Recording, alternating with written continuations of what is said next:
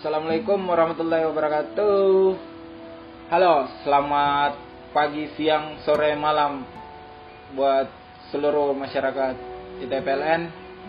Jadi perkenalkan nama saya Jalil dari Kementerian Harmawa. Jadi gini, kali ini kita bakalan ngobrol dengan abang yang ganteng, kece, dan humoris yang satu ini. Mungkin langsung saja saya persilahkan kepada Bang Repo untuk memperkenalkan diri dan asal daerahnya. Oke. Dipersilakan Bang. Uh, Assalamualaikum warahmatullahi wabarakatuh. Selamat malam untuk masyarakat ITPLN dan sekitarnya yang berada di mana pun. Uh, saya Muhammad Repo Jaksana, jurusan S1 Teknik Informatika angkatan 2017 asal dari Bengkulu, Sumatera. Dari Bengkulu, Sumatera. Sumatera apa itu, Bang? Nggak ada Sumatera apa-apa, jadi dia cuma Sumatera doang. Oh. Jadi langsung Bengkulu aja gitu. Beda gue sama Palembang, dia Sumatera Selatan ya kan. Kayak gitu. Ayo bang, maaf bang, gak fokus tadi. Gak apa-apa, sama kayak Lampung kan, jadi Lampung langsung aja gitu. Lampung ya Lampung, nggak pakai Sumatera lagi, biasa itu. Iya, jadi gimana gimana? Gini bang, sebelumnya apa kabar bang? Alhamdulillah sehat, baik, puasa lancar. Gimana? Semoga Lu sendiri gimana? Ya, aman? Alhamdulillah aman bang, sehat. Sulawesi masih di masih aman ya? Oh Sulawesi zona merah zona bang, merah. cuman gue ini masih di Jakarta. Oh jadi nggak balik nih? Nggak balik bang, sayang keluarga. Benar benar benar. Makanya nggak balik. Benar benar. Udah telat juga kalau mau balik. Ya kalau balik juga kita yang bawa virus kan buat keluarga kita. Iya bang betul. Jadi gini bang. Selanjutnya kalau keadaan keluarga bang gimana? Baik nggak? Semoga baik lah ya. ya alhamdulillah keluarga sehat semua. Uh, ayah ibu adik sehat semua alhamdulillah. Karena kita juga uh, nggak pakai keluar rumah kan? Karena walaupun di dengar aturan pemerintah ya bang? Iya karena walaupun di tempat abang sendiri belum masih nol yang positif.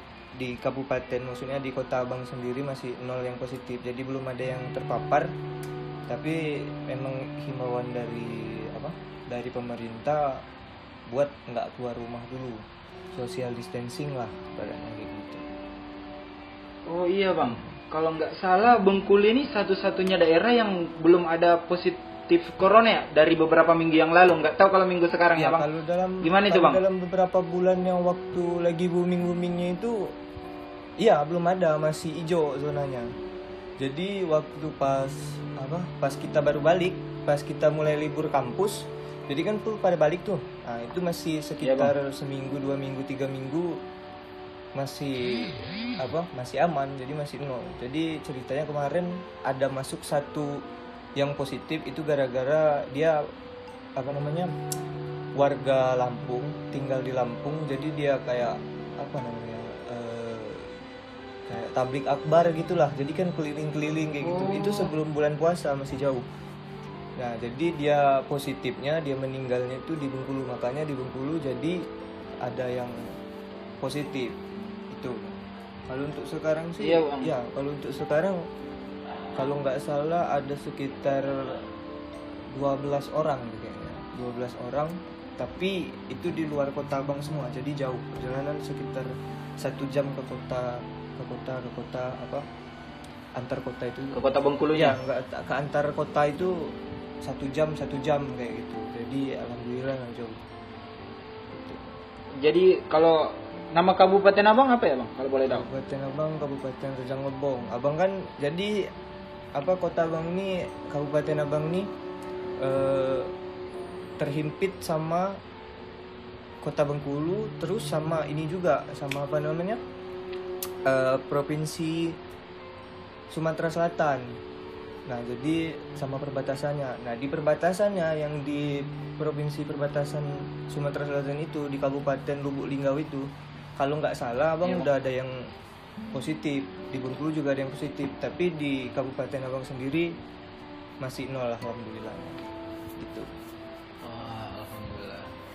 Sebelum masuk membahas lebih dalam tentang daerah Abang tentang COVID-19 ini bang mau nanya. Puasanya gimana bang sekarang? Lancar gak Alhamdulillah lancar karena ini puasa ke berapa ya? Udah berapa bang puasanya? Atau udah berapa yang bolong? Nah ini puasa, puasa puasa terus ini kalau tahun ini. Karena kan kita full di rumah terus kan nggak keluar keluar. Karena kalau oh jadi nggak bisa. Nah, itu tadi nggak bisa. nggak bisa kecolongan. Bisa mampir mampir kalau misalnya kita kayak di Jakarta ya kan? Nah, itu mungkin Iya, ya aduh. banyak godaan. Ngelihat kantin masih buka di kampus ya kan? Kita ngelihat temen ya mau tak mau lah ngikut. Nah, gitu. Kalau sini kita di di rumah kan terus nggak bisa keluar jadi ya mau tak mau ya harus puasa. Harus harus puasa wajib kan gitu. Iya. Jadi lancar lah ya bang? Alhamdulillah lancar. Kalian kayak gimana di Jakarta? Aman? Puasa terus? Aman bang. Insya Allah bang. Insya Allah yang penting yang penting niatnya dulu lah untuk masalah puasa. iya bang. Siap. Oke bang. Lanjut ya bang. Abang balik kemarin ke Bengkulu kapan bang sekitaran pemberitahuan libur pertama atau kedua atau gimana kan ada tuh yang perpanjangan Ah. libur ke sampai tanggal berapa dulu kalau nggak salah Abang balik itu sehari sudah surat edaran pertama keluar. Jadi sekitar tanggal kalau surat edaran pertama ah, sekitar tanggal 18 ya. Kalau kalau kita surat edaran keluar kan tanggal 16 kalau nggak salah. Ah, Abang balik itu sekitar tanggal 18-nya karena sehari dulu karena ada yang ngurus terus baru balik tanggal 18-nya. Ini juga nggak tahu nih ini kayak gimana karena bawa baju kan dikit karena apa namanya nggak tahu kalau sampai libur diperpanjang sampai tiga bulan kayak gini kan kunci kosan abang mana sini gue yang bukain terus gue kirimin barang abang Enggak, kunci kosan gua ada sama anak-anak di kos. Soalnya di kos gua itu ada Oh. orang Papua, dua orang tinggal di Biak. balik Eh, nggak bisa balik. oh iya bang sama di sini ada juga teman angkatan yang tiba-tiba ditutup bandaranya makanya nggak jadi Ah, balik Kalau untuk di Bengkulu udah ditutup ada sekitar semingguan bandara udah ditutup. oh udah ditutup juga Udah bang Ditutup. Makanya kita sekarang kan apa Abang sempat baca-baca berita juga. Jadi di Bengkulu kalau misalnya ada orang yang mau tes rapid eh, untuk hasil tesnya itu kan dikirim ke Palembang.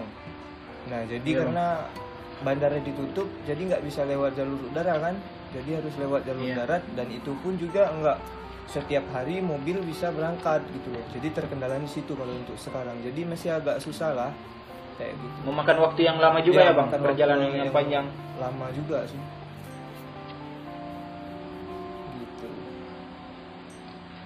oh iya bang jadi lanjut ke pertanyaan selanjutnya ya Oke, bang lanjut. Lebih detail dari keadaan kota abang Bengkulu sekarang gimana? Detailnya entahkah itu udah lockdown atau eh ada kayak semacam yang di India pukul-pukul pantat gitu bang kalau keluar rumah. Enggak, nggak atau gimana? pukul pantat. Enggak kalau itu kan sama Apa polisi dong, tuh. Ah kalau kita Kenapa? kalau kita di sini paling cuma dibubarin doang. Kalau misalnya dia kita ada ngumpul di mana misalnya kayak gitu. Ah nanti di itu di apa namanya tuh disuruh bubar sama itu apa polisi polisi tapi yang PP ujungnya jadi pol PP gitu bukan polisi beneran dia cuma ngambil. Pol Iya, Pol PP PP. ya bang Itu cuma sekali bercanda. Jadi dibubarin sama Pol PP kalau di atas orang 10 gitu. Ataukah sampai orang 10 lah, minimal orang 10 itu pasti udah dibubarin. Gitu.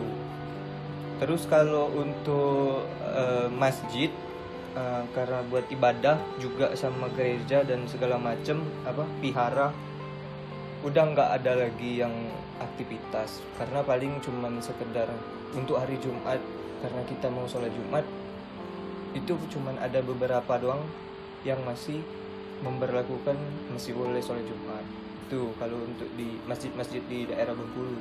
Karena nggak seluruh masjid kayak biasanya eh, buka masjid buat sholat Jumat itu kalau untuk tarawih sendiri di sini udah nggak nggak ada tarawihnya lagi kalau di Bengkulu. Tapi saya eh, abang nggak tahu juga ya kalau misalnya di di daerah lain. Maksudnya di luar provinsi Bengkulu. Tapi kayaknya sih di Bengkulu ini untuk tarawih dia udah nggak boleh lagi. Jadi di rumah-rumah masing-masing gitu. Kebanyakan ya bang? Kebanyakan daerah di Bengkulu itu kabupaten-kabupatennya udah nggak ada yang ngelaksanain sholat tarawih di masjid. Iya, udah nggak lagi. Tapi kalau sholat Jumat, Kalau sholat Jumat itu ada paling sekitar satu dua satu dua masjid lah yang masih apa namanya yang masih memperlakukan sholat Jumat di masjid. itu tindakan eh apa tindakan yang dilakukan oleh pemerintah gimana bang? Apakah disinin atau gimana? Ada yang memang instruksikan dari pemerintah. Misalnya nih ada satu masjid nih, masjid A. Nah, masjid A ini udah dapat surat dari pemerintah buat nggak boleh ngelaksanain sholat Jumat. Nah, terus nanti ada nih yang masjid B. Dia belum dapat surat dari pemerintah. Nah, jadi dia yang masih ngelaksanain sholat Jumat kayak gitu. Oh iya bang. Oke bang, tadi sempat lupa nanyain ini. Waktu abang balik itu, abang dalam keadaan sehat kan? Alhamdulillah sehat. Waktu balik ke Bengkulu. Alhamdulillah sehat. Karena kan waktu pas pertama kali sampai nih hari tanggal 18 abang pesawat sampai jam 12 siang bertiga sama anak kampus anak informatika semua angkatan 17 cewek dua orang bertiga eh, sampai rumah sampai rumah itu sekitar jam-jam satuan jam jam dua habis itu abang langsung sorenya sekitar jam-jam 5 itu abang langsung periksa ke ini kan ke apa namanya ke posko Puskesmas. posko yang buat ini Oh, posko. ya dia kan ada posko, Posko khusus penanganan COVID Ah, ya bang? posko buat khusus penang- penanganan covid jadi eh, setiap kabupaten yang abang tahu sih kalau di Bengkulu tapi abang juga nggak tahu ya kalau misalnya kayak di luar Bengkulu karena belum dapat infonya juga kalau misalnya di Bengkulu sendiri setiap kabupaten kabupaten dia pasti ada yang namanya posko gitu loh. Apakah dia di perbatasan kabupaten gitu. Nah itu pasti dia ada posko-posko yang dijaga sama TNI sama Polri. Nah di situ kita setiap misalnya ada plat dari luar nih. Setiap plat dari luar itu dicek dulu suhu badannya apa segala macam ada gejala apa enggak. Kalau misalnya apa ada gejala apa segala macam kayak gitu yang agak dicurigakan ya itu nggak boleh nggak boleh ini nggak boleh masuk ke daerah itu. Nah jadi yang abang kemarin ke poskonya langsung karena dekat kan sama rumah kan langsung ke poskonya. Katanya ya itu ditanyain pusing nggak? Nggak. Terus pilek nggak? apa segala macam batuk atau sesak gimana gitu? Nggak. Terus di sana kayak gimana? Ini uh, baru pulang dari berpergian ya gitu kan? Ya baru pulang dari berpergian nih baru pulang dari sekolah gitu kan? Uh, terus di dekat-dekat rumah di dekat tempat tinggal ada yang terindikasi nggak? Nah itu kalau untuk waktu pas pulang ini ada satu tapi nggak tahu itu positif apa enggak bilang gitu kan? Karena yang di dekat kampus kan di gang apa tuh? Di gang puskesmas kalau nggak salah. Itu ada yang bapak-bapak umur 50 tahun. Tapi kan karena semenjak kita tuh keluar keluar surat edaran Senin. Nah jadi Iya, Bang. mulai dari Jumat itu abang udah nggak pakai keluar rumah lagi. Sampai abang balik itu hari Rabu. Jadi sekitar lima harian abang udah nggak keluar dari kosan lagi. Jadi kalau buat beli makan ya order kan. Nah, jadi itu doang yang ditanyain sama apa sama petugasnya udah ditanyain dia bilang disuruh apa karantina diri dulu selama 14 hari minum vitamin dan segala macam oke udah nih Nah, udah 14 hari telepon lagi mesti harus apa namanya tuh Oh jadi abang dalam pengawasan gitu ya kan? Iya kan kita kan kalau setiap setiap apa kita pulang dari pulang dari berpergian apalagi di Daerah. daerah yang terindikasi Zona merah. banget itu kan kita harus otomatis ODP dong. Gitu. Karena kan anak kampus, Oh, iya, Bang. anak kampus kan banyak tuh yang misalnya dia balik nih. Dia balik ke kampung dia, ke daerah dia. Itu kan dia otomatis ODP. ODP kan orang dalam pengawasan kecuali dia PDP. Iya bang. Kalau PDP kan eh, apa? Udah nggak dibiarin balik kan bang? bukan nggak dibiarin balik maksudnya kalau PDP ini dia punya gejala gitu loh punya gejala tapi dia masih negatif masih negatif coronanya. Dia punya gejala sesak pilek Oh batuk. PDP maksud Ah. maksud abang tadi. Kirain udah yang positifnya. belum? Gitu. Jadi kan kalau setiap orang kan ODP itu kalau misalnya. Soalnya abang kemarin dibilang ODP juga kayak gitu. Padahal abang juga nggak ada gejala segala macam. Nah jadi yang itu yang abang tangkap ODP itu orang yang baru balik dari dari kayak gitulah. Baru balik dari mana misalnya. Oh iya bang, lanjut ya bang.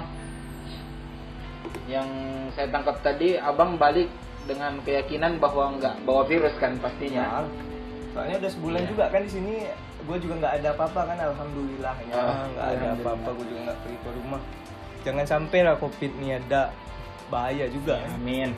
Amin. Jadi Bengkulu sekarang gimana bang? Sepi. dibilang Jalanan-jalan atau malam atau kalau misalnya malam itu jam 7 udah nggak boleh keluar rumah atau gimana bang? dibilang sepi sih enggak masih kayak biasa tapi nggak terlalu ramai kayak bulan puasa biasanya. Karena eh, apalagi kan suasana suasana lebaran ini kan eh lebaran lagi.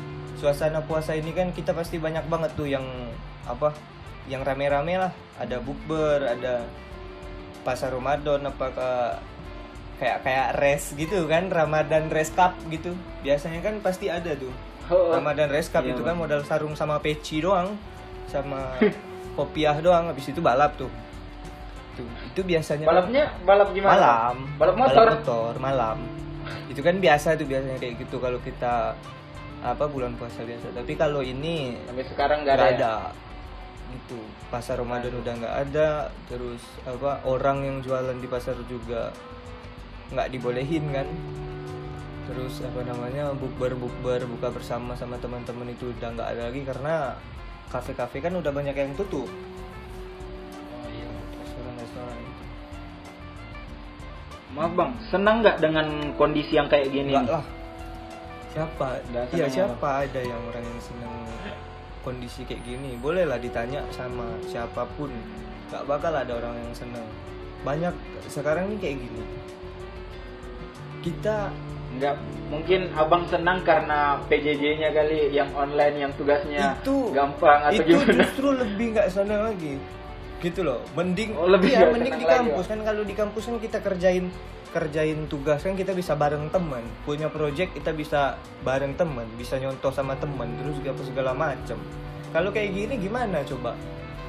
Untungnya kan dosen-dosen kan ada ya satu dua orang yang nggak ngerti juga kayak gitu loh. Nggak ngerti mahasiswanya. Nggak dikasih Nggak ngerti keadaan ngerti juga. keadaan gitu kan. Karena ya sekarang kayak gini aja deh. Kan gara-gara covid ini kan banyak dampaknya nih. Ekonomi ya kan? Iya bang. ekonomi terus kita terfokus di covid doang. Sedangkan di masalah-masalah negara yang segala macam kita nggak fokus tuh kan? Iya Nah, jadi kan eh, apa ya kayak negara kita kan udah ya dibilang setengah kacau lah. Orang susah cari makan apa segala macem kayak gitu kan. Ya oke lah kalau yang misalnya kayak pemerintah pemerintah kayak gitu. Dia masih dapat duit kan kalau dari dari apa? Dari gaji dia. Dan terus kalau orang oke lah mereka nggak boleh keluarin nggak boleh keluar rumah. Terus mereka yang memperlakukan untuk social distancing ataukah karantina diri sendiri karantina mandiri oke lah dia karena dia kan udah dapat udah dapat duit dari negara pemerintah pemerintah itu kan udah dapat apa namanya udah dapat gaji Bantuan lah. enggak karena udah dapat gaji dari Oh. dia sendiri kan Ah, Iya, terus gaji pokoknya apa segala macam. Uh-uh. Terus kan kalau misalnya kayak yang menengah ke bawah kayak gimana coba? Ya kan?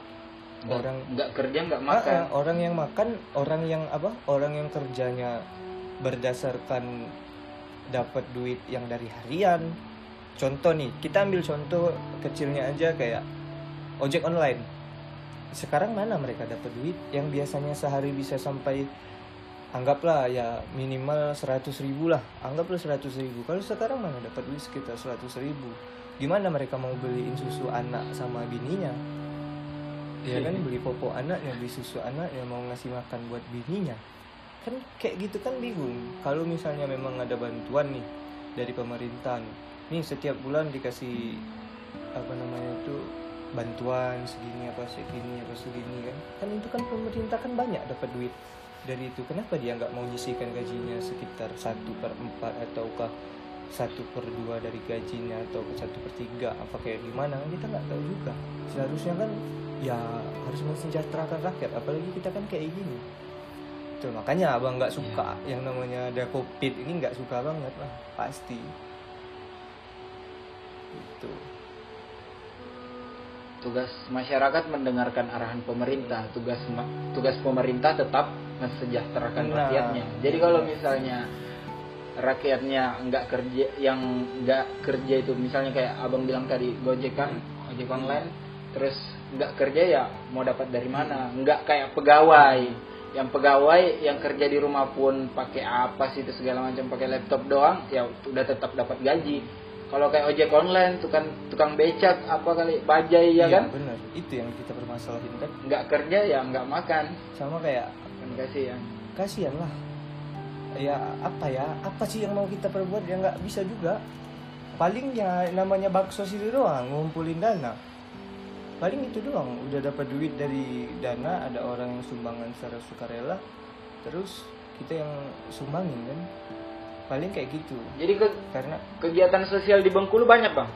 Kalau kegiatan sosialnya yang di luar eh, mahasiswa abang nggak tahu. Tapi kalau misalnya di dalam yang dikerjain sama mahasiswa kita kan punya apa namanya himpunan mahasiswa daerah kan Eh, Iya, setiap kampus itu. Misalnya sama lah kayak kita di kampus punya himda.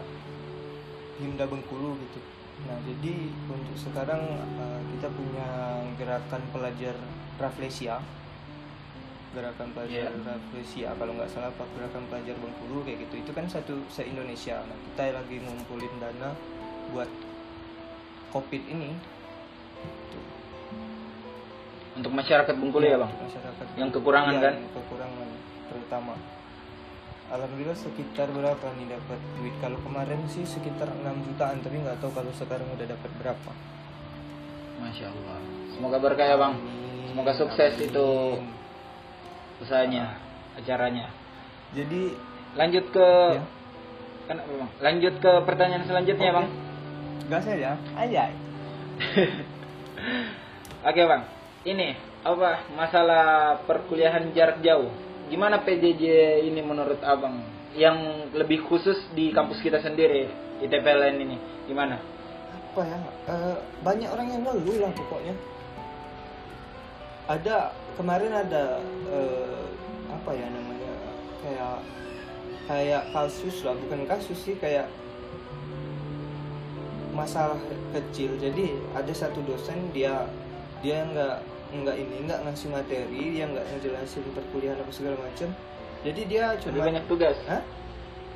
Banyak tugas. Iya, dia ngasih tugasnya itu yang enggak enggak ini, enggak apa? Enggak manusiawi lah. Nggak sesuai kalau dengan- anak bilang ya. Kalau menurut Abang sih ya masih wajar lah kalau kayak gitu. Cuman seharusnya dosen itu ya ngasih lah pembelajaran apa segala macam kayak gitu. Kalau misalnya tugas yang berat gitu. Nah, di situ di report kan, di report sama mahasiswa udah di report. Nah jadi udah di report nih dosennya bukan malah bukan malah ini bukan malah membaik kayak gitu. Jadi dia ngasih ngasih tugas ngasih video apa segala macam ngasih perkuliahan. Tapi yang awalnya tugas itu deadline-nya satu minggu jadinya satu hari. Aduh. tapi ya nggak masalah lah itu karena kesalahan juga kan yang report salah kita juga nggak bisa itu tapi ada juga dosen banyak bukan cuma satu doang banyak yang mempermudah mahasiswa lah Mempermudah mahasiswa. Iya. Karena dengan keadaan ini karena kan dengan ya, keadaan kayak gini jadi dia ngerti kan misalnya nih Iya, dalam satu Udah bisa dipungkiri lah itu. Heeh. Pasti ada dosen aja yang ngerti. misalnya nih ada satu satu dosen dia ngajar satu hari satu hari itu dia tiga kelas misalnya kan. Nah kita boleh tuh masuk di kelas jam berapa aja. Jadi Hmm, boleh masuk di jam 8 kita boleh masuk di jam 10 boleh masuk di jam 1 itu ada dosen kayak gitu. Dan ada juga dosen yang eh, apa kalian cuman kerjain project terus buat laporan project itu udah sampai kayak gimana terserah kalian kalian mau ngasih setiap minggu boleh setiap hari boleh setiap apa pas udah mau per UTS dan UAS juga boleh. Terus absennya ya sesuai jam itu kita cuman ngomong absen terus nama nama mahasiswa sama nim doang kan. Ada juga kayak gitu. Ada juga dosen yang ngasih materi ngasih materi doang terus dia ngasih tugas ada. Pasti itu ada kayak gitu Tapi lancar kan bang kuliah PJJ-nya ini? alhamdulillah lancar cuma Masih bisa diatasi masih lah ya bang. diatasin lah. cuman ya ada lah satu dua dosen yang nggak ngerti cuman itu doang sih Oke bang, lanjut ke pertanyaan selanjutnya. oke Bang. lanjut terus masalah gas aja nih Apa yang abang pengen lakuin? Hal apa yang pengen abang rindukan yang setelah corona ini bakalan abang lakuin pertama kali? pertama kali banget nih Iya pertama bang. kali gue jalan dulu sama cewek Aduh, jalan sama cewek dong. Iya, gue jalan dulu kan sama cewek. Ya karena apa? Gue selama corona ini gue kagak ketemu sama cewek gue cuy. Walaupun gue nggak punya cewek nih misalnya ya kan. Aduh. aja gue ketemu sama cewek gue.